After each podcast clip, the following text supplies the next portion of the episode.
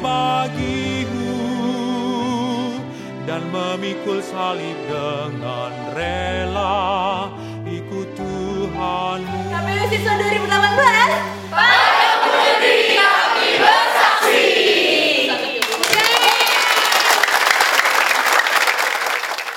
Shalom teman-teman. Shalom siswa. Shalom mahasiswa. Ini yang udah habis selesai UN mau disebut siswa atau mahasiswa nih? Siswa atau mahasiswa yang habis UN beberapa hari yang lalu ya.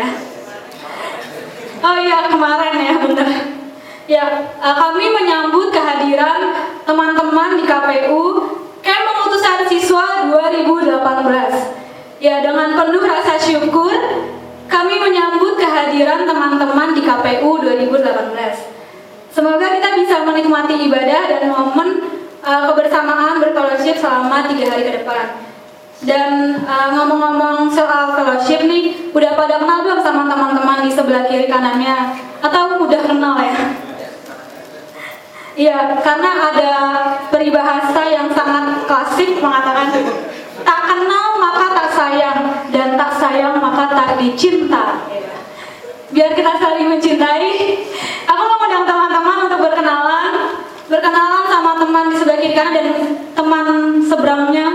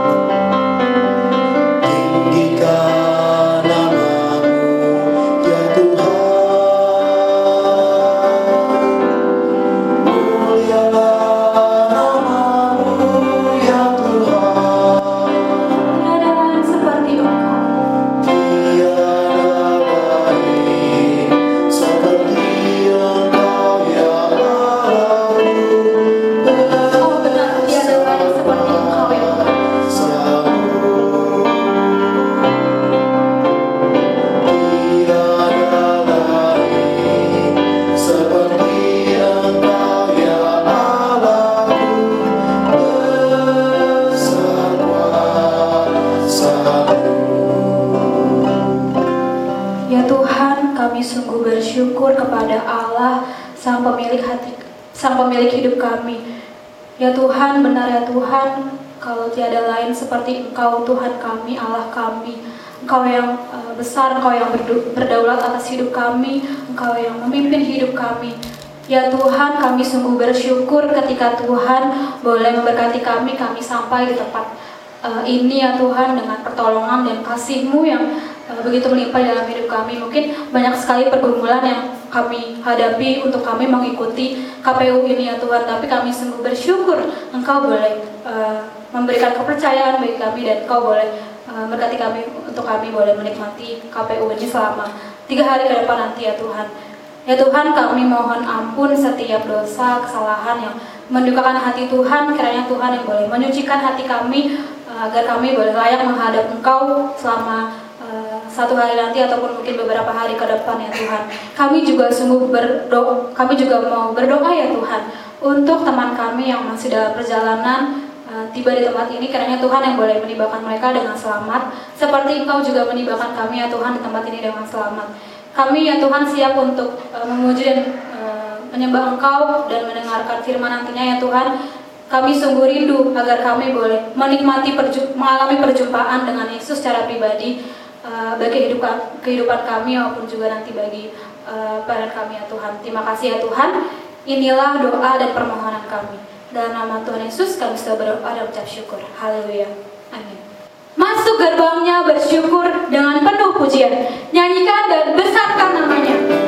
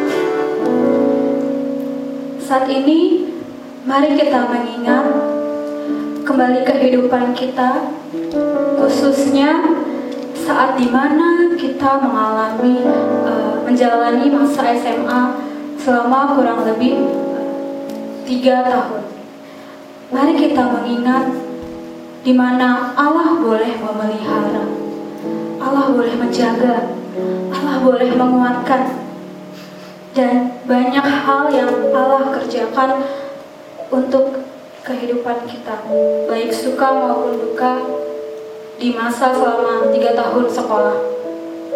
Banyak sekali yang terjadi selama tiga tahun itu.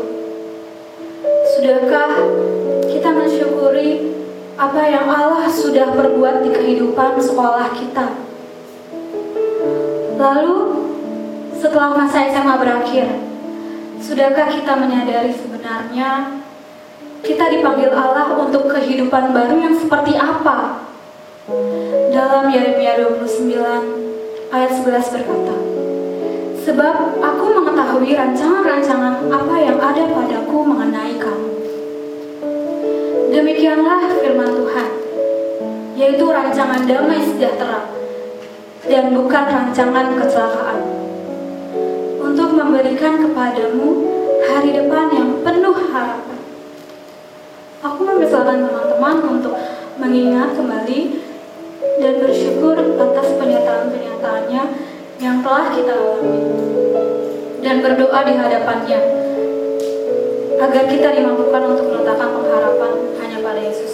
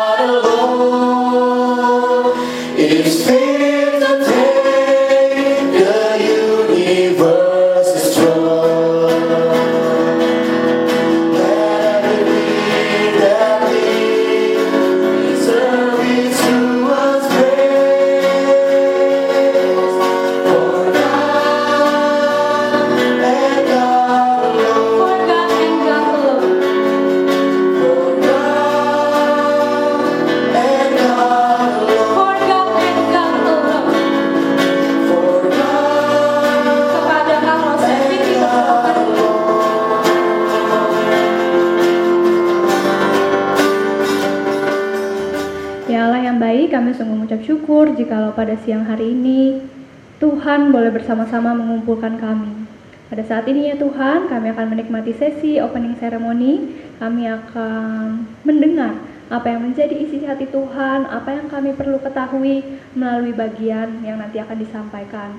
Tuhan berkati hamba di tengah segala keterbatasan, di tengah segala kekurangan, boleh menjadi alat Tuhan yang efektif untuk menyatakan kebenaran firman-Mu. Dan berkati juga untuk setiap kami yang mendengar, Tuhan tolong supaya kuasai hati dan pikiran kami, sehingga kami bisa fokus hanya kepada kebenaran firman-Mu. Jikalau pada saat ini ada hal-hal yang sedang kami pergumulkan, atau kami pikirkan, yang mungkin bisa saja mendistrak pikiran kami, Tuhan tolong supaya kami menanggalkannya sejenak, sehingga kami boleh fokus kepada Engkau. Terima kasih urapi kami dalam nama Tuhan Yesus Kristus kami telah berdoa dan bersyukur. Amin. Ya, silakan duduk teman-teman. Ya, selamat sore teman-teman. Sore. Ya, teman-teman. Uh, hari ini gitu ya, kita akan uh, saat ini kita akan uh, sesi opening ceremony gitu ya. Jadi secara khusus ya kita akan tahu dulu ya pendahuluan tentang apa itu KPU dan sebagainya. Aku pakai slide. Oke, okay, ya. Ya teman-teman, uh, sebelum kita memasuki uh, bagian firman atau bagian yang akan dibahas pada saat ini, aku punya beberapa pertanyaan buat teman-teman. Jadi, teman-teman, aku harap jawab dengan jujur, jawab dengan terbuka, dengan leluasa gitu ya. Ya, apa pun jawabannya ya diterima kok gitu ya. Apa pertanyaannya? Yang pertama. Pertanyaannya, gimana kemarin UN-nya? Ini ala-ala polling yang ada di Instagram. Kalau teman-teman boleh klik gitu ya. Kira-kira teman-teman yang mana? Yang bisa atau yang hmm ragu? Yang mana? Mantap. Yang apa? Waduh, oke. Okay. Matematika aman? Matematika? oke, okay, aku dengar-dengar katanya matematika sulit abis gitu ya. Oke, selanjutnya pertanyaan kedua. Seberapa yakin Tuhan akan memberikan kampus yang terbaik untukmu? Pasti teman-teman punya dream kampus kan gitu ya, eh, kampus impian. Gue pengen banget masuk kampus ini gitu ya. Nah, pertanyaannya, seberapa yakin Tuhan akan memberikan kampus yang terbaik untukmu? Apakah teman-teman akan klik yakin atau belum yakin. Misal gitu ya, teman-teman pengen banget masuk ke A, aku pengen banget ke kampus A, tapi aku nggak yakin Tuhan akan kasih kampus itu. Atau aku yakin banget kak, uh, kayaknya aku bisa masuk kampus B. Atau kak, aku pengen sih masuk kampus C, tapi aku nggak tahu kira-kira itu yang terbaik menurut Tuhan atau enggak. Nah, kalau teman-teman dikasih pertanyaan itu, kira-kira apa jawaban teman-teman? Apakah teman-teman yakin Tuhan akan memberikan kampus yang terbaik untuk kita atau belum yakin? Dan yang terakhir apa pertanyaannya untuk kita? Yang terakhir pertanyaannya. Apakah kita sudah siap masuk ke dunia kampus? Siap atau belum siap? Kira-kira kalau teman-teman ditanya jawabannya yang mana? Apa? Bingung ya? Oke. Okay. Ya, teman-teman karena alasan inilah gitu ya, karena beberapa pertanyaan inilah untuk itulah KPU hadir. KPU bukan Komisi Pemilihan Umum, tetapi KPU adalah camp pengutusan. Jadi kalau teman-teman mungkin mau tahu kenapa sih kan namanya KPU gitu, camp pengutusan, kenapa nggak KPS, camp pengutusan siswa, kenapa KPU? Karena waktu itu KPU awal-awal gitu ya, uh, ter, uh, jaraknya biasanya nggak nggak terlalu jauh dengan KPU uh, Komisi Pemilihan Umum gitu. Jadi ada pilkada atau pilpres. Jadi ya digunakanlah istilah yang sama supaya ear catching gitu ya. Uh, enak untuk didengar gitu ya, sering dengar ya KPU KPU gitu. Nah, apa itu KPU? KPU hadir untuk mempersiapkan dan mengutus siswa-siswi binaan kelas 12 terutama AKK dan siswa, rekomend, uh, siswa rekomendasi untuk memasuki tahap pendidikan selanjutnya yaitu dunia mahasiswa. Nah, tetapi pertanyaannya teman-teman, ketika nanti kita udah jadi mahasiswa, pertanyaannya sebenarnya apa sih yang Allah rindukan untuk kita lakukan selama menjadi mahasiswa? Bukannya kak, kuliah ya kuliah aja, belajar, ikut kegiatan kampus, masuk BEM. Ya, kalau ada persekutuan mahasiswa ya nanti ikutan gitu. Sebenarnya apa sih yang Allah rindukan ketika Ia mengizinkan kita bisa masuk kampus atau kita bisa menjadi mahasiswa? Mari saat ini kita sama-sama lihat 1 Petrus 2 ayat 12. Minta teman-teman uh, yang kelas 12 bacain gitu ya. 1 Petrus 2 ayat 12, minta teman-teman yang kelas 12 bacain. 1 2 3.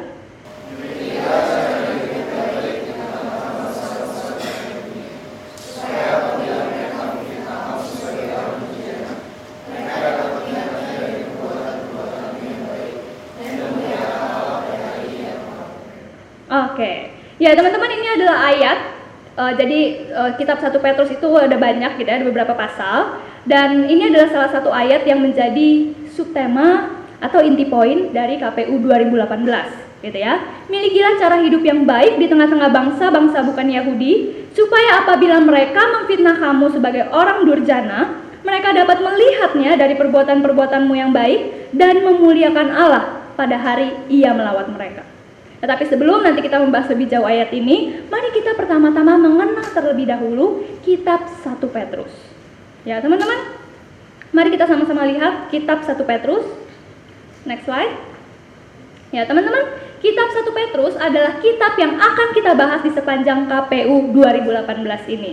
Jadi memang salah satu keunikan dari camp, camp siswa gitu ya, biasanya kita akan eksposisi tokoh ataupun uh, kitab. Jadi aku ingat beberapa tahun yang lalu itu kita pernah eksposisi dari tokoh Daniel gitu ya. Kemudian ada juga tokoh Yusuf. Nah, untuk tahun ini kita akan eksposisi dari kitab bukan tokoh gitu ya, tapi kitab yaitu kitab 1 Petrus. Nah, apa sih yang perlu kita ketahui dengan uh, apa yang perlu kita ketahui tentang kitab 1 Petrus ini? Yang pertama, siapa penulis kitab 1 Petrus? Siapa? Ada yang tahu?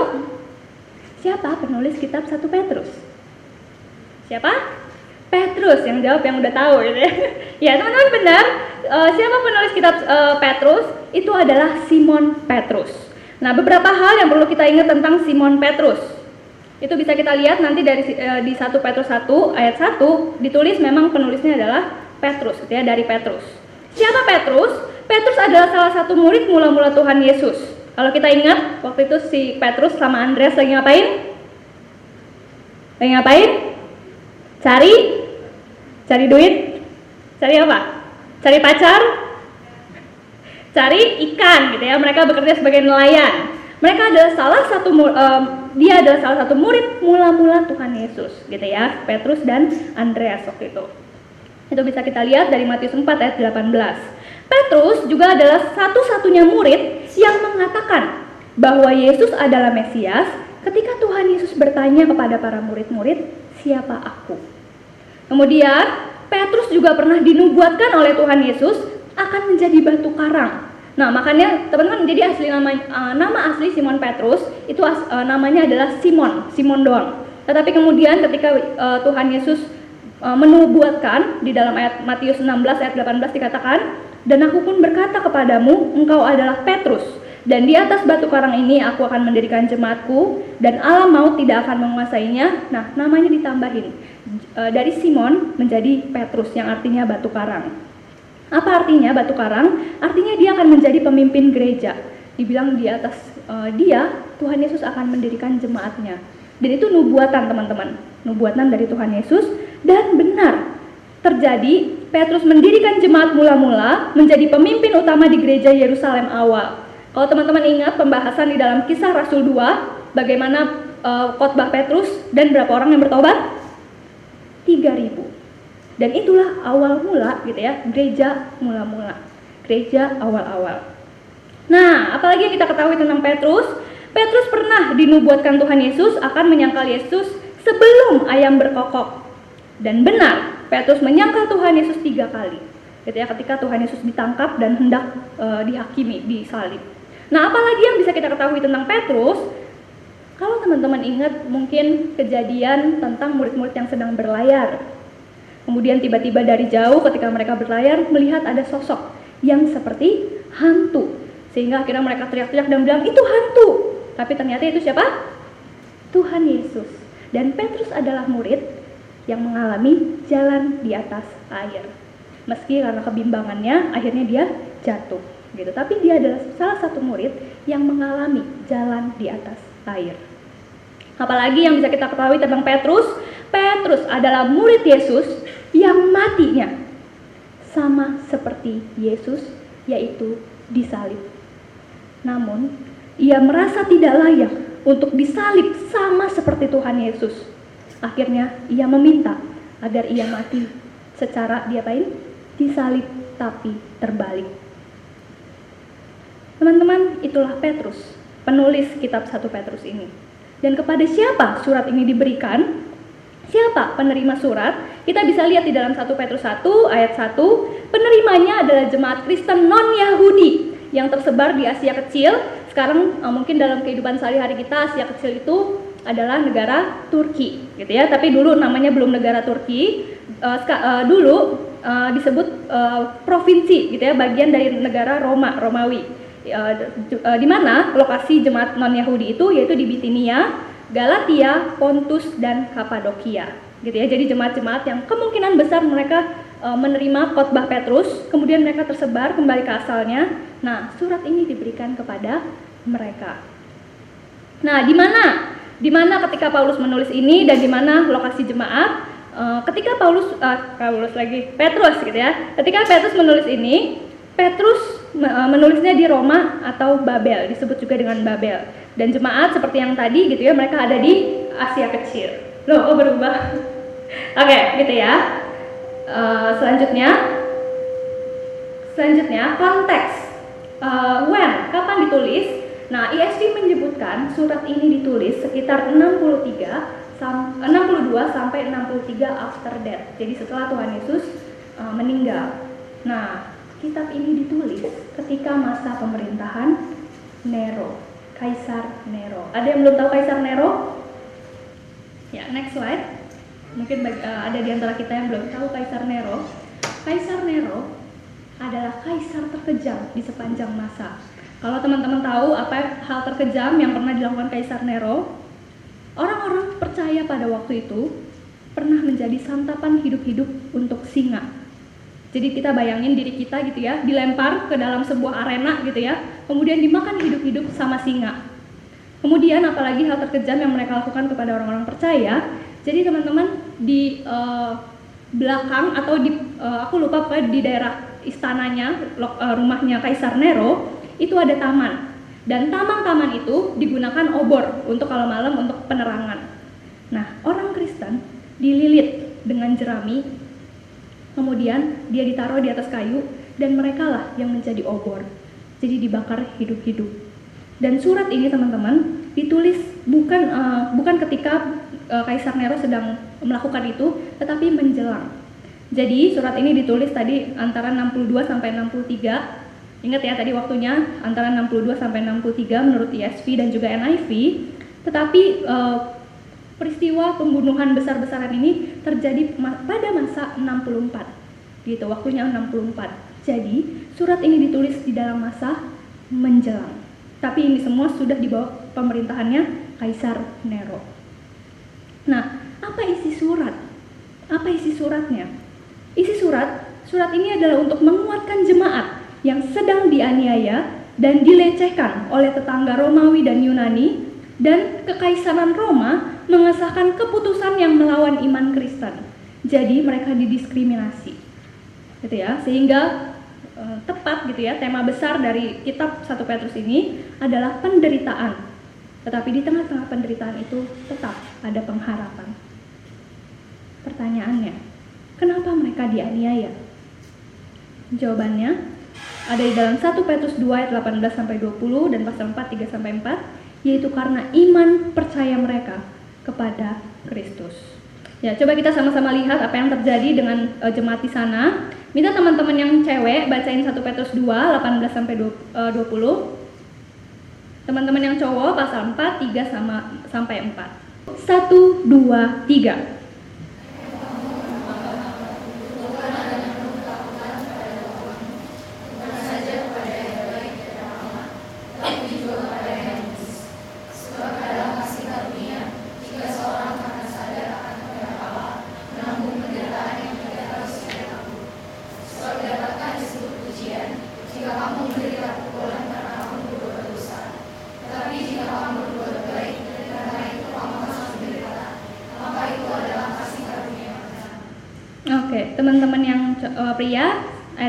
3 sama 4, 1, 2, 3.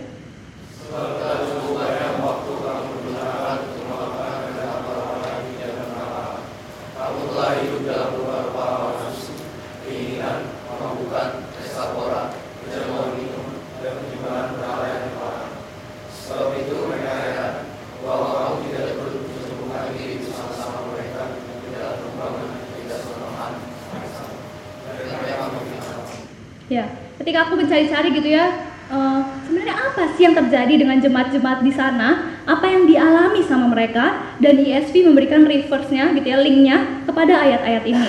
Aku udah uh, coba kasih warna merah untuk kita semakin melihat bahwa kemungkinan besar mereka memiliki pemimpin yang pertama bengis, benar gitu kan si Kaisar Nero.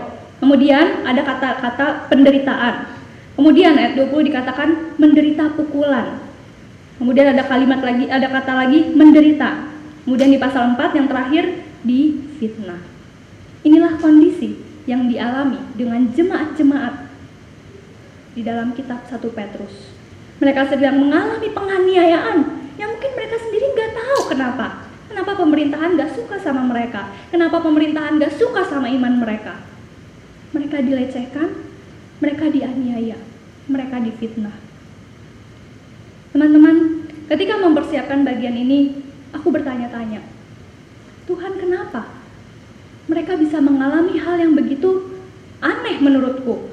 Iman mereka dibenci gitu ya, dianiaya, nyawa jadi tantangannya. Tetapi kemudian aku ingat, ketika bulan Agustus yang lalu, aku ikut uh, camp Asia uh, perkantas Asia Timur gitu ya, camp mahasiswa.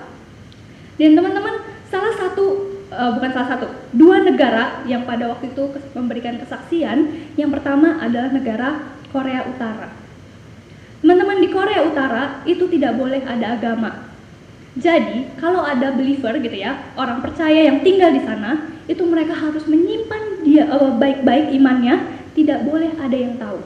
Kenapa? Kalau sampai ketahuan, mereka akan ditangkap, uh, bahkan mereka akan mengalami uh, di penjara dan berbagai penghukuman lainnya. Dan kemudian negara berikutnya yang aku uh, yang kesaksian juga dan itu pun ketika mereka mereka ikut camp mereka nggak bilang ke negara di negara asalnya kalau mereka mau ikut camp keagamaan. Jadi mereka pakai visanya itu visa liburan tujuannya untuk liburan. Jadi mereka nggak bilang kalau mereka sebenarnya lagi mau menghadiri camp keagamaan karena itu nggak boleh. Bahkan foto bareng pun sama mereka nggak boleh. Jadi di nemteknya dikasih tanda ini adalah orang-orang yang gak boleh difoto karena bisa ketahuan. Begitu. Nah, negara berikutnya yang sharing juga demikian adalah negara RRC, China. Apa yang terjadi? Teman-teman waktu itu ada uh, jadi ada kelompok pendalaman Alkitab, kelompok-kelompok gitu ya, mahasiswa sama mahasiswa, staff sama staff. Dan waktu itu aku sekelompok sama staff-staff. Jadi da uh, dari berbagai negara dan salah satu staff yang ada di kelompokku adalah misionaris dari Amerika dan dia menjadi misionaris di RRC. Dan apa yang terjadi di sana? Eh, gereja-gereja uh, di sana, uh, jadi gini teman-teman, ada gereja pemerintahan, di mana gereja itu dikontrol penuh sama pemerintah. Jadi misalnya aku kurang lebih gambarannya seperti apa, tapi kurang lebih misalnya kita lagi ibadah seperti ini, nah itu ada kamera atau ada orang pemerintahan yang akan mengontrol penuh.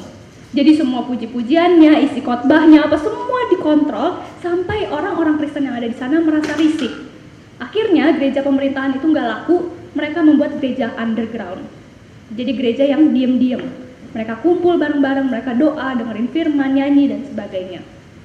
Teman-teman, aku pikir kita bersyukur ya, di Indonesia masih bisa kita datang ke ibadah, datang ke persekutuan, datang ke, ke, eh, ke gereja, gak perlu diam-diam, gak perlu malu-malu. Kita masih bisa update apa? Ayat Alkitab di Instagram, masih bisa uh, eh, IG story gitu ya. Ini gue lagi PJ gitu ya. Nyatanya banyak orang-orang yang mengalami penganiayaan. Banyak orang-orang yang menderita karena imannya. Dan itulah yang terjadi dengan uh, orang yang tadi kita Korea Utara dan juga RRC dan itu juga yang dialami oleh jemaat-jemaat di dalam kitab 1 Petrus. Lantas teman-teman di tengah kondisi yang demikian bagaimana melawan kondisi ini? Apakah dengan kudeta kekuasaan Oke, jemaat kita udah banyak nih ya. Jemaat kita udah banyak. Oke, lang- eh, lakukan perlawanan kepada pemerintahan. Apakah dengan begitu kudeta, perebutan kekuasaan atau mungkin dengan membalas mereka? Ya, mungkin bukan ke pemerintahannya tapi kepada orang-orang sekitar. Wah, udah jahat nih mereka, udah jahat. Terus lawan gitu ya, melakukan perlawanan. Apakah ini yang seharusnya dilakukan? Tetapi mari kita sama-sama lihat dari 1 Petrus 2 ayat 12. Ayat ini mengingatkan gitu ya, Petrus mengingatkan apa yang seharusnya jemaat-jemaat yang ada di Asia kecil itu lakukan, yaitu dikatakan apa? Milikilah cara hidup yang baik di tengah-tengah bangsa yang bukan Yahudi. Kenapa? Kenapa harus memiliki cara hidup yang baik? Yaitu supaya apabila mereka memfitnah kamu sebagai orang durjana, mereka dapat melihat dari perbuatan-perbuatanmu justru malah yang baik. Dan endingnya apa? Mereka memuliakan Allah. Kurang lebih aku menyimpulkan dari bagian ini, itulah artinya hidup sebagai orang Kristen. Meski menderita, meski kita dilakukan secara tidak baik, tetapi kita tidak boleh sama dengan mereka, kita harus tetap memiliki kesaksian hidup yang baik. Kemudian ayat, ayat ini juga uh, kembali berulang uh, di dalam 1 Petrus 3 ayat 9 dikatakan, minta teman-teman yang cewek bacain yang kencang suaranya 1 Petrus 3 ayat 9 1 2 3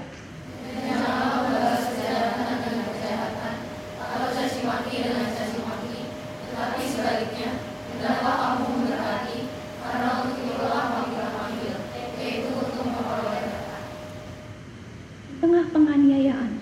Justru Petrus mengingatkan, dan janganlah membalas kejahatan dengan kejahatan atau caci maki dengan caci maki, tetapi sebaliknya, hendaklah kamu memberkati. Karena untuk itulah kamu dipanggil, yaitu untuk memperoleh berkat. Dan hal ini juga sejalan dengan pengajaran Tuhan Yesus di dalam kitab Matius. Salah satu yang uh, aku tulis di sini adalah dalam uh, kitab Matius yang dikatakan, Janganlah kamu melawan orang yang berbuat jahat padamu, melainkan siapa pun yang menampar pipi kananmu, berilah juga kepadanya pipi kirimu. Kamu telah mendengar firman kasihilah sesama manusia, uh, kasihilah sesama manusia dan bencilah musuhmu. Tetapi aku berkata kepadamu, kasihilah musuhmu dan berdoalah bagi mereka yang menganiaya kamu. Kenapa? Karena dengan demikianlah kamu menjadi anak-anak Bapamu yang di sorga. Kita tidak diminta untuk sama seperti orang-orang yang jahat yang menindas, tetapi kita diminta untuk tetap berbuat kebaikan. Meski teman-teman ini bukan harafiah, maksudnya kalau teman-teman ditampar sama orang, terus teman-teman nih nih nih satu lagi satu lagi gitu ya, bukan. Tetapi maksudnya bukan kita membalas mereka. Kemudian 1 Petrus 3 ayat 12 mengatakan, gitu ya, kenapa kita harus tetap berbuat baik? Sebab mata Tuhan tertuju kepada orang-orang benar dan telinganya kepada permohonan mereka yang minta tolong. Tetapi wajah Tuhan menentang orang-orang yang berbuat jahat. Menjadi saksi Kristus memang menderita. Namun menjadi saksi Kristus memiliki pengharapan di dalam Kristus. Menjadi saksi. Ya teman-teman, kalau kita membahas gitu ya dari keseluruhan satu kitab uh, kitab satu Petrus, kita akan menemukan outline kitab satu Petrus kurang lebih demikian. Aku dari uh, cari dari beberapa referensi, ya, ada yang dari Bible Project, ada juga dari ESV, tapi ya aku combine gitu ya, kurang lebih demikian. 1 sampai 2 itu berisi salam, kemudian lagu pujian kepada Allah, kemudian isinya juga mengingatkan jemaat bahwa mereka setelah bertobat sudah menjadi keluarga baru dalam Kristus. Kemudian nanti masuk kepada diingatkan bahwa penderitaan sesungguhnya adalah sebuah alat untuk kesaksian tentang siapa Yesus. Sampai yang terakhir, mereka juga diingatkan ada uh, meskipun menderita, tetapi ada pengharapan di dalam masa depan.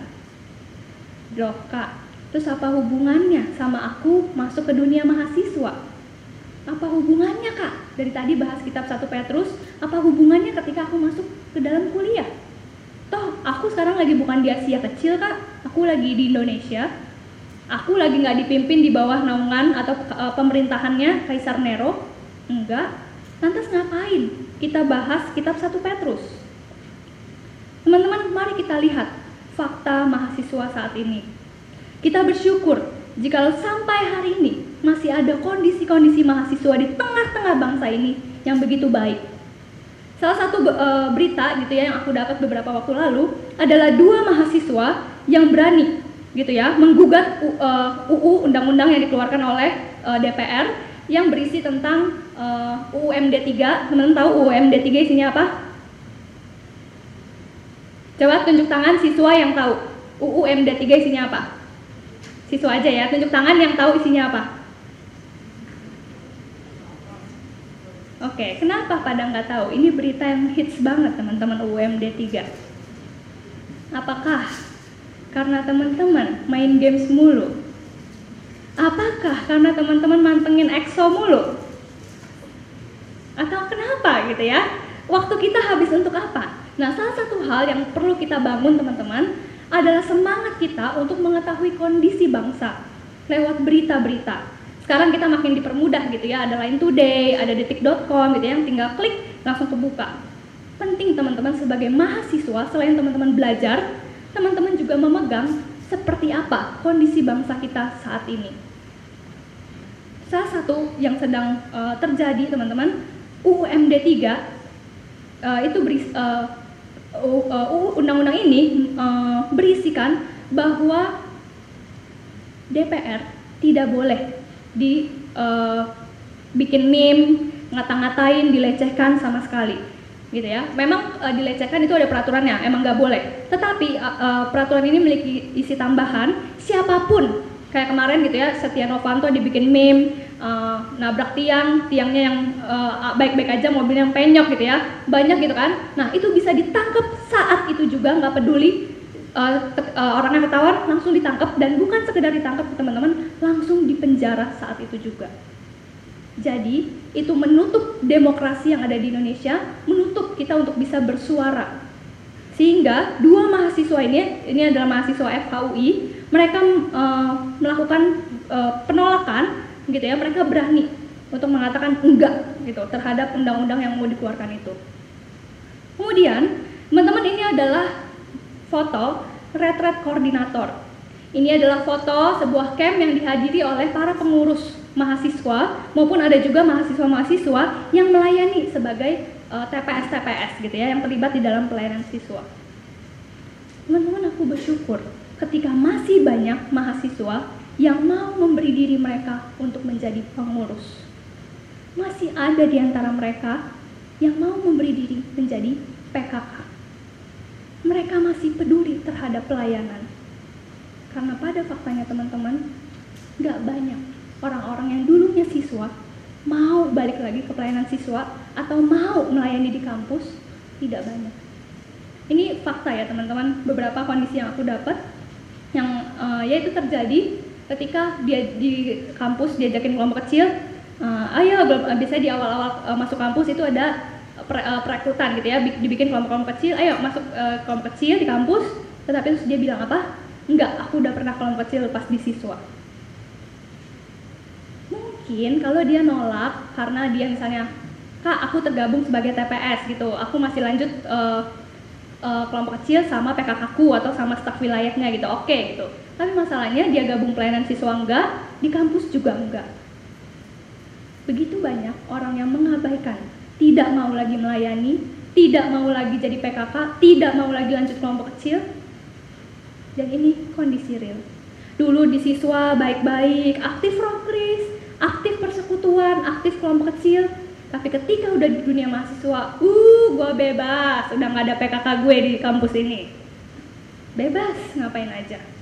Datang persekutuan, oke okay, oke okay, datang datang. Tapi untuk jadi pengurus, oh nggak mau nggak mau, terlalu berat, nggak mau nggak mau dan aku bersyukur tiap tahunnya gitu ya eh, lewat red ini red koordinator masih banyak mahasiswa-mahasiswa yang mau memberi diri mereka bagi Tuhan karena faktanya seperti apa kondisi mahasiswa kondisi mahasiswa mahasiswa saat ini tidak mampu melahirkan kader bangsa yang berkualitas rata-rata gitu ya hanya kejar IPK ke kampus masuk belajar oke okay, dapat nilai bagus udah sekedar mengejar IPK. Atau aku pertanyakan kembali di mana letak militansimu? Militan, semangat, rela berkorban, berjuang wahai pemuda dan mahasiswa Indonesia, berjuanglah. Tapi apa yang kita lihat? Seringkali mahasiswa hanya sibuk apa? Main, seru-seruan, berjuang ini nggak mau, ada apa dikit putus asa. Aduh, studi gue kok kayak gini, males dilanjutin. Atau yang mungkin teman-teman tahu tentang tragedi apa? Kartu kuning. Gitu ya, salah satu dari kampus terbaik di bangsa ini. Ya, uh, ya uh, kita sama-sama tahu yang ternyata selidik punya selidik yang memberikan kartu kuning kepada uh, presiden kita ternyata adalah uh, kader atau uh, seseorang yang be uh, bekerja di balik partai tertentu. Begitu. Jadi dia bilang uh, saya bukan uh, dari kader partai ini gitu ya dia ngakunya gini, tapi ternyata diselidikin dan ternyata ketemu ada tweet dia tahun 2014 yang ternyata ia mau promosi partainya dan dia juga sempat debat soal menginginkan Indonesia sebagai negara X. Ketua BEM. Bagaimana lagi kondisi mahasiswa? Ya, kita tahu. Gitu ya. Gadget edik, games, apalagi? Ya teman-teman lah yang tahu ya, uh, nonton ed, uh, nonton tertentu gitu ya. Nonton film-film. Ya, sukanya yang have fun, have fun aja atau freedom. Mahasiswa disebut masa-masa freedom. Mungkin yang kos mulai belajar ngekos gitu ya, ngerawat diri sendiri, udah nggak bareng orang tua, bebas sebebas-bebasnya. Gue mau ngelakuin apa pun, bebas. Teman-teman kalau nanti teman-teman masuk ke dunia kampus gitu ya, masuk sebagai uh, mahasiswa, kalau dulu mungkin di siswa teman-teman misal gak masuk sekali ditanyain eh sini ke mana gitu atau teman-teman nakal orang tua dipanggil gitu ya Nah nanti di, di, di mahasiswa nggak ada kayak gitu teman-teman. Ngurusin diri sendiri. Ya lu mau masuk kelas oke okay, selama masih ada jatah absen nggak apa-apa. Tapi nanti berkali-kali nggak masuk ya udah do lu mau, nak, eh, mau nakal kayak gimana pun nggak ada orang tua dipanggil. Orang tuamu ya dipanggil gitu. Enggak freedom. Udah nggak ada yang pakai seragam gitu ya ketika mahasiswa kecuali kedinasan. Semua mahasiswa rata-rata pakai baju bebas. Ya pakai yang kita suka yang kita banget. Freedom tetapi sering kali kebebasan itu tidak digunakan dengan bijaksana. Bebas sebebas-bebasnya. Gue mau ngelakuin apa pun yang gue suka, bebas. Atau terkait melayani Tuhan, yang tadi aku bilang. Nyatanya nggak sebanyak mahasiswa yang mau memberi dirinya lagi untuk melayani Tuhan. Nyontek, titip absen, teman-teman jangan pikir nyontek itu cuma ada di dunia siswa. Nyatanya di mahasiswa pun ada. Banyak gitu ya nyontek kemudian titip absen. Ini salah satu yang hits juga dari uh, uh, dunia mahasiswa titip absen. Jadi kita nggak masuk tapi bisa minta tolong teman absenin. Absenin gue dong gitu. Jadi seakan-akan kita masuk gitu ya. Kemalasan dan sebagainya. Bahkan aku menemukan juga ketika aku mahasiswa ada praktik-praktik korupsi. Jadi misalnya mau ada event di kampus misal gitu ya misal harga panggung misalnya 10 juta. Tapi ditulis berapa teman-teman? 20 juta Tujuannya apa? Untung bagi-bagi. Jadi seperti hal, hal seperti itu sudah ditanam sejak muda sehingga tidak heran ketika bekerja mental yang sama digunakan. Menipu, tidak jujur, tidak berintegritas. Teman-teman, di tengah kondisi mahasiswa maupun negara kita yang carut marut, kiranya sama seperti nasihat Petrus kepada jemaat-jemaat kita dipanggil untuk menjadi saksi Kristus di tengah dunia ini. Mungkin ketika kita berbuat benar di tengah-tengah bangsa ini, di tengah-tengah kampusmu nanti, akan ada berbagai tantangan. Ih, ngapain sih lo? Tiap pulang langsung pulang? Ngumpul-ngumpul dulu lah. Aduh, gue mau rapat nih, misalnya. Aduh, gue mau pimpin kelompok kecil nih. Mungkin dimusuhin atau dijauhin atau dianggap ah nggak gaul. Eh, lu ngapain sih? Jam 10 udah balik ke kosan sinilah nongkrong-nongkrong sampai jam 2 lah minimal atau jam 3 padahal paginya masih ada kuliah lagi. Teman-teman kita dipanggil. Bukan untuk itu tetapi kita dipanggil untuk menjadi saksi Kristus. Teman-teman kita saat ini ada di dalam rangkaian cerita besar Allah. Pertanyaannya berada di manakah kita? Apakah kita ada di dalam creation masa-masa creation penciptaan? Ketika Adam dan Hawa mungkin kita jadi orang ketiga gitu ya di antara Adam dan Hawa atau ketika fall kejatuhan Atau jangan-jangan ada di antara kita yang jadi ular waktu itu. Atau mungkin ketika masa redemption. Kenapa Tuhan nggak lahirin kita ketika masa Tuhan Yesus ada di bumi? Ketika Tuhan Yesus ada di tengah-tengah bumi ini gitu, ketika kita bisa melihat dia dan sebagainya. Tetapi pertanyaannya, kenapa kita dihadirkan di dalam masa-masa mission? Yaitu antara masa-masa redemption dan juga consummation, yaitu kedatangan Tuhan Yesus yang kedua kali. Teman-teman, masa mission ini artinya bermisi untuk melakukan apa yang menjadi kehendak Tuhan Yesus dan saat ini kita dilahirkan di dalam masa ini. Apakah suatu kebetulan? Aku pikir tidak. Teman-teman, Tuhan Yesus sudah mati bagi kita. Kiranya semangat inilah yang menolong kita untuk bisa mau bersaksi bagi Kristus. Nanti teman-teman di sepanjang rangkaian KPU ini teman-teman akan dapat banyak hal dari penjelasan kitab Petrus ini. Kiranya kita boleh sama-sama belajar, sama-sama peka sama-sama hatinya boleh lembut, uh, mau diajar oleh Tuhan kita, kira-kira apa yang menjadi isi hati Tuhan bagi kita di dalam persiapan menuju masa-masa mahasiswa ini. Kita akan menikmati pengutusan ini selama tiga hari, selama tiga hari dua malam. Aku berharap dan kiranya ini bisa menjadi doa kita bersama. Kita tidak pulang dengan tidak membawa apa-apa, tetapi kita pulang dengan membawa uh, hal yang sama, yaitu mau bersaksi bagi Allah kita. Teman-teman berdoalah bagi dirimu sendiri. Berdoalah bagi kita semua.